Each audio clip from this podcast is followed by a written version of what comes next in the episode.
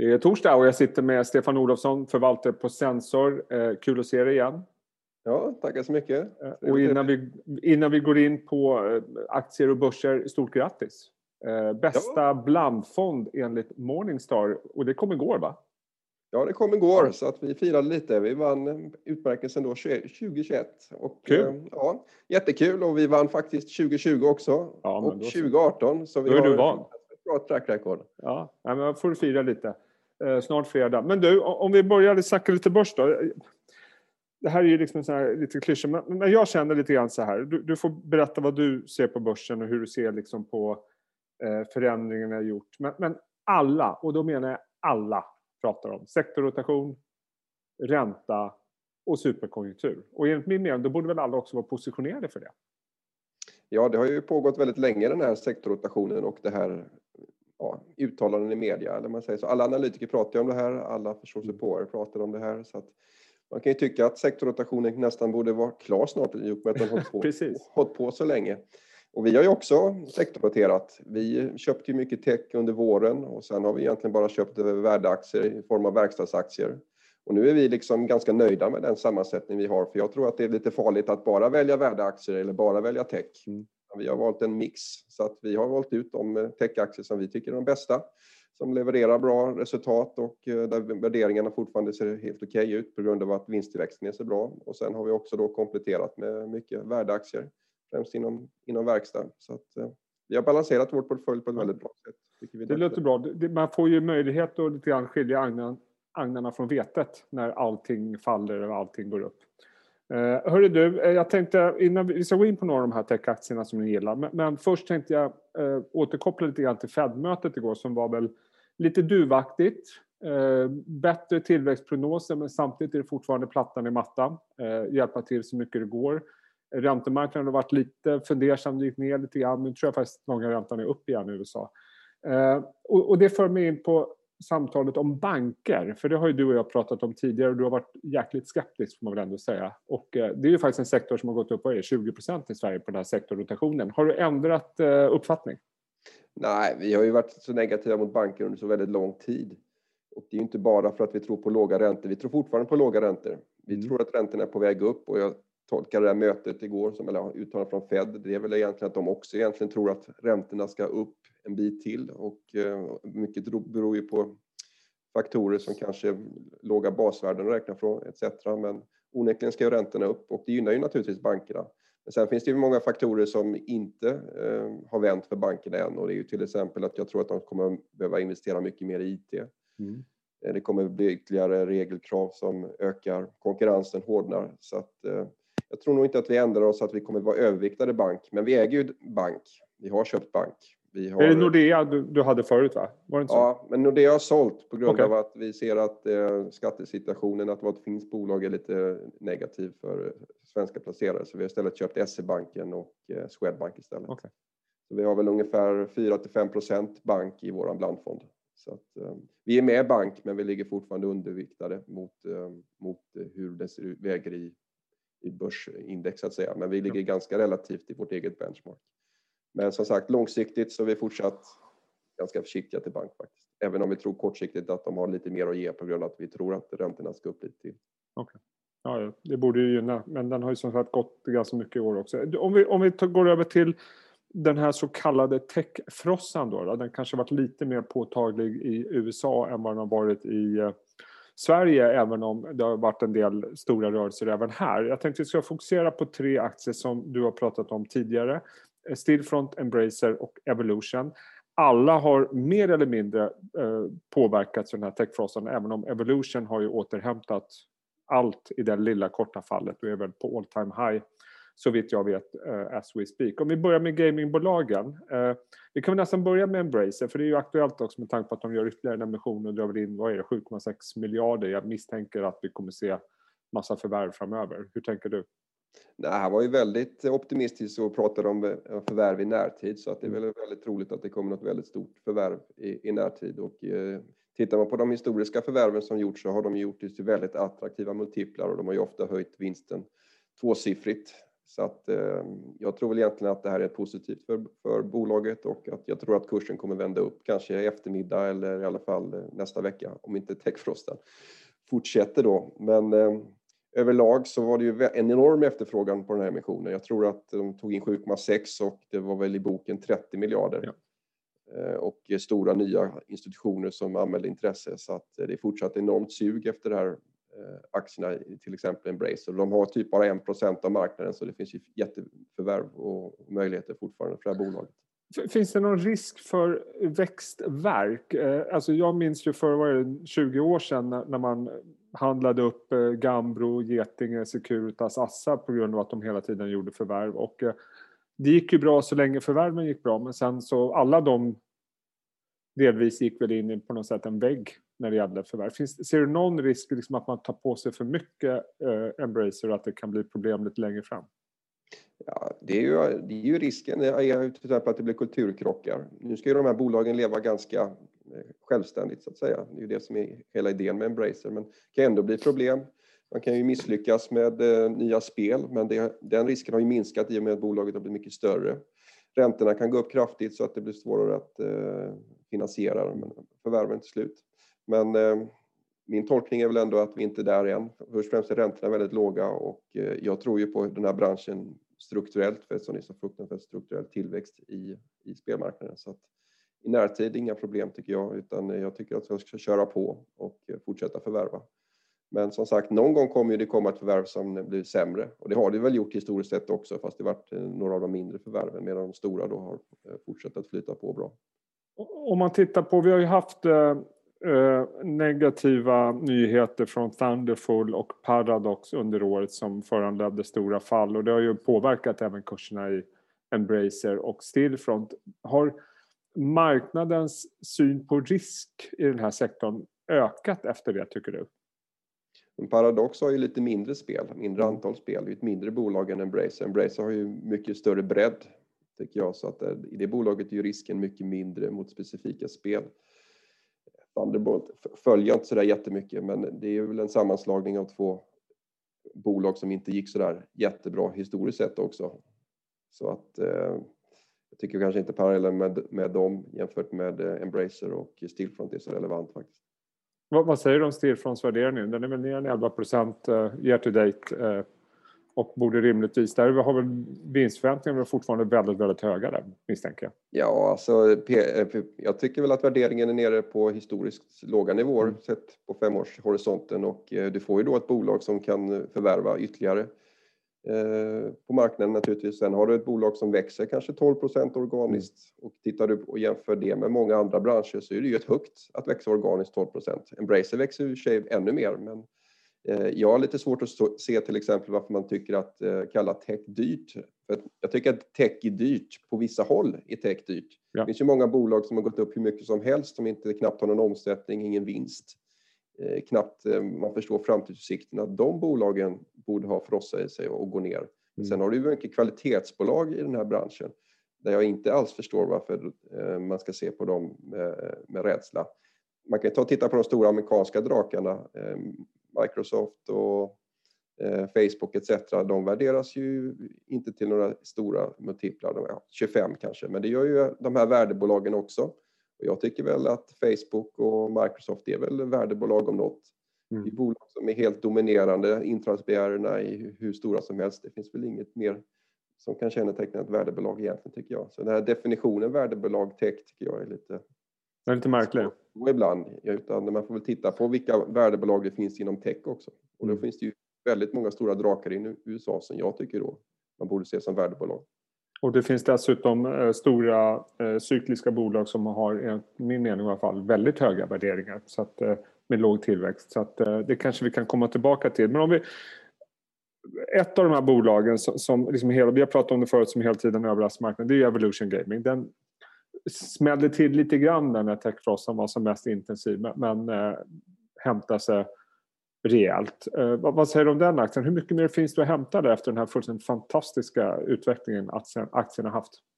Ja, nej, den är helt sanslös eh, mm. efter den har kommit in på börsen. Men den går ju från klarhet till klarhet också på omsättningstillväxt och vinsttillväxt. Det finns väl egentligen inget bolag som kan uppvisa samma siffror på dem i och med att de växer ju helt organiskt historiskt sett. Nu har de köpt Nettan också. Just det. Och det är egentligen en belastning om man tittar till organisk tillväxt eftersom Net Entertainment har ju en mycket lägre tillväxt. Så där hoppas man väl mer på att man ska få eh, synergier. Förut pratade de ju om 30 miljoner euro i besparingar och nu är de uppe i 40 miljoner i besparing. kommer ju stärka marginalerna. Sen hoppas man ju att de ska kunna göra korsförsäljningar på kunder som eh, de inte har hos respektive enhet. Och då ser man väl framför sig kanske att man ska kunna få in Nettans eh, eh produkter i Asien på ett bättre sätt till exempel och kanske man kan få in Evolutions lite i Sydamerika till exempel och eh, i främst i USA där Nettan då alltid kommer in först i och med att eh, det är lättare att gå in med slots först och så kommer vad heter det, Evolutions produkter i efterhand.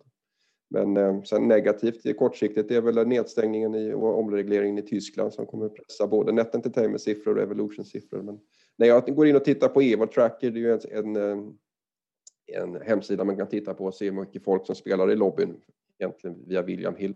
Mm. Och då ser man ju att det var ett väldigt bra drag under första kvartalet. Det var väl nytt all time high antal spelare i februari. Det har varit lite slöare kanske möjligtvis i, i mars, men det är fortfarande, tycker jag, då, ser starkare ut än vad det var klart i fjärde kvartalet.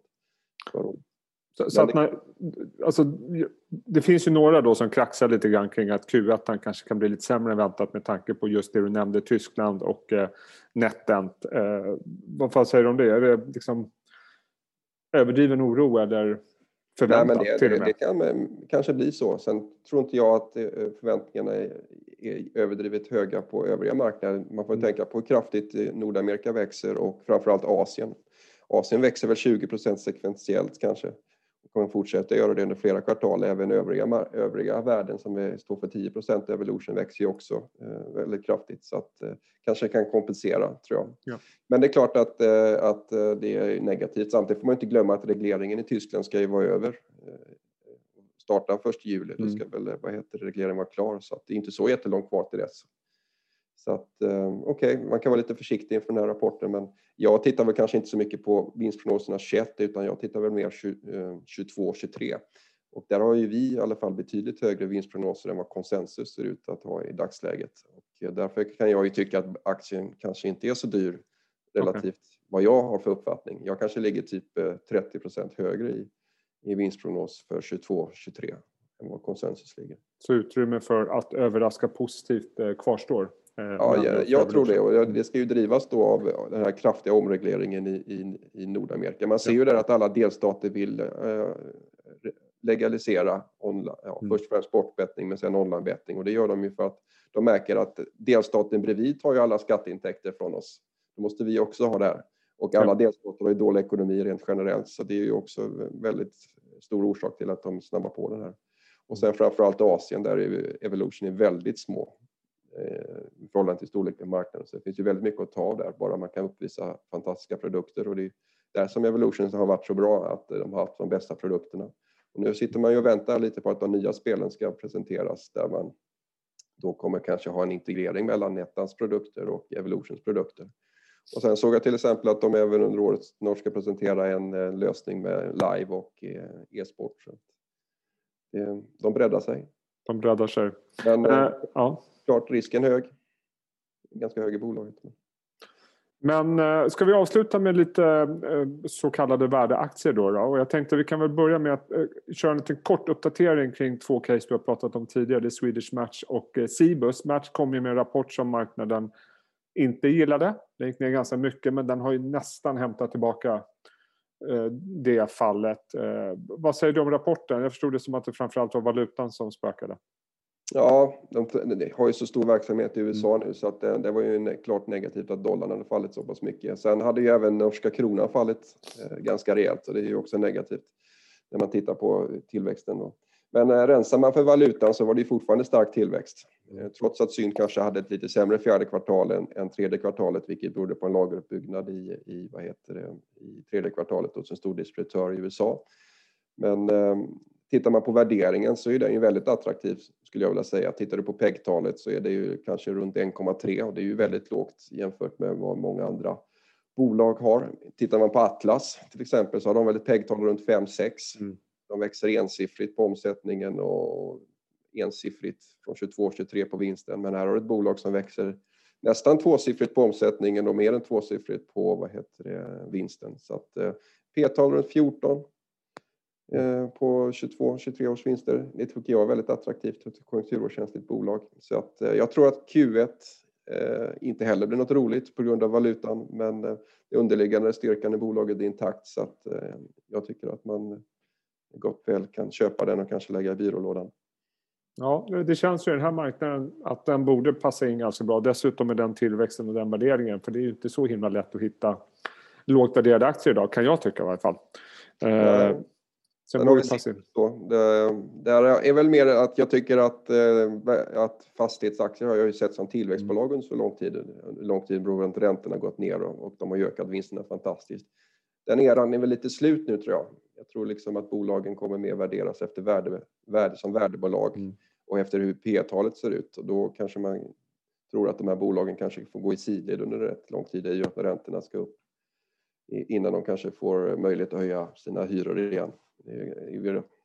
Så att eh, i Cibus fall så tror jag väl att det är främst några triggers som finns är väl att de eh, kan lägga om sina lån 23 för de är ganska dyra och sen att de kan göra nya förvärv i och med att de har en väldigt fördelaktig nisch där de kan köpa upp fastigheter till lägre multiplar än vad de själva är värderade till. Men, men, men, men tittar man på Cibus aktie, den har ju gått som fastighetsindex ungefär, eh, både i år och senaste året. Och jag, jag vill ändå känna på något sätt att de har en nisch för jag menar, det det kraxas väldigt mycket om det är ju liksom kontorsfastigheter eh, och så vidare som man inte riktigt vet hur det kommer se ut efter pandemin. Men Cibus känns ju på något sätt ganska säkert eller ganska stabilt defensivt till och med. Eh, ja, det känns väldigt, många andra väldigt, fastighetsbolag. Det känns väldigt defensivt. De har ju en väldigt eh, bra nisch där de då är egentligen ganska ensamma. Och de mm. har ju hur många förvärv de kan göra eh, som helst, säger de, speciellt i Finland, men även i Sverige och kanske övriga Norden. Och de genomför de här förvärven, de ska mm. väl förvärva typ för 50-100 miljoner euro per år, så att vinsten kommer ju öka och därmed utdelningen. Utdelningen ska öka 5% Så det är en väldigt bra basaktie att ha i sin portfölj. Okay. Eh, sen är väl en fördel med Cibus också. De har ju inte eh, gjort några sådana konstiga affärer där alla andra i fastighetsbranschen verkar köpa i varandra. Mm. De håller sig till Cibus och det är jag väldigt glad för. för jag, är väldigt jag förstår inte riktigt det här varför alla de här fastighetskungarna ska köpa in sig i, i, i varandra. Jag ser ingen logik i det. Det är som att eh, Volvo skulle meddela att nu har jag köpt 5% i SKF och nu har jag köpt 5% i Sandvik och då blir frågan varför då? Ja, lite mycket fastighetsinaved kanske. Eh, du, vi ska avsluta apropå låga värderingar. Du pratade om PEG-talet där och en mm. aktie som har ett ännu lägre PEG-tal om inte jag har räknat helt fel. Det är AstraZeneca.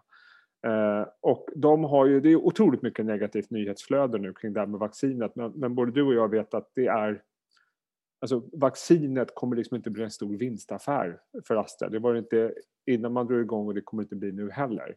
Eh, lite väl mycket fokus på det kanske? Eller vad säger du? Ja, det är ju inte det som ska driva vinsten. Det är lite synd om Astra tycker jag för att de producerar ju det här vaccinet mer för att de ska vara snälla eller vad man ska kalla det. De ska inte tjäna pengar på det i alla fall. Nej. I alla fall inte kortsiktigt medan Pfizer ska tjäna pengar och Moderna de skär ju guld på det här. Verkligen. Och så har det bara slutat med att de får dålig publicitet i det och det pressar kursen kortsiktigt. Men eh, som sagt, man kan nog bortse från eh, vaccinet där eh, mm. egentligen utan titta på underliggande verksamheten och den går ju fantastiskt bra. Och eh, de ska ju växa tvåsiffrigt på omsättningen och eh, över 20 procent vinstmässigt eh, under flera år här och det gör ju att PEG-talet är väldigt attraktivt och även P-talet är väldigt lågt. Sen mm. gör de det här stora förvärvet. Man har ett bolagsvärde på 1100 miljarder och de kör ett bolagsvärde runt 300 miljarder. Det ska också ytterligare boosta vinsten och tillväxten.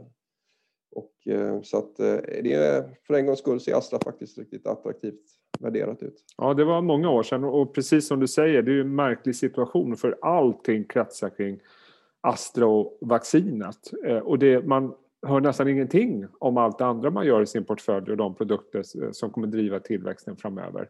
Vaccinet är inte en av dem. Det, det är en märklig situation och jag kan nästan tycka, och jag har varit skeptisk till Astra tidigare, det ska jag understryka, men det blir på något sätt både en tillväxtaktie och en värdeaktie i en och samma. För det är ju en i grund och botten väldigt defensiv eh, verksamhet de bedriver.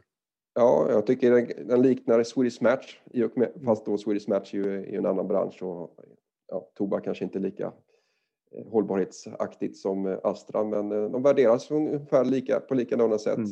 Bra tillväxt, bra, bra värdeaktier men lågt värderade. Så att det är två aktier jag tror skulle vara bra att ha som basinnehav.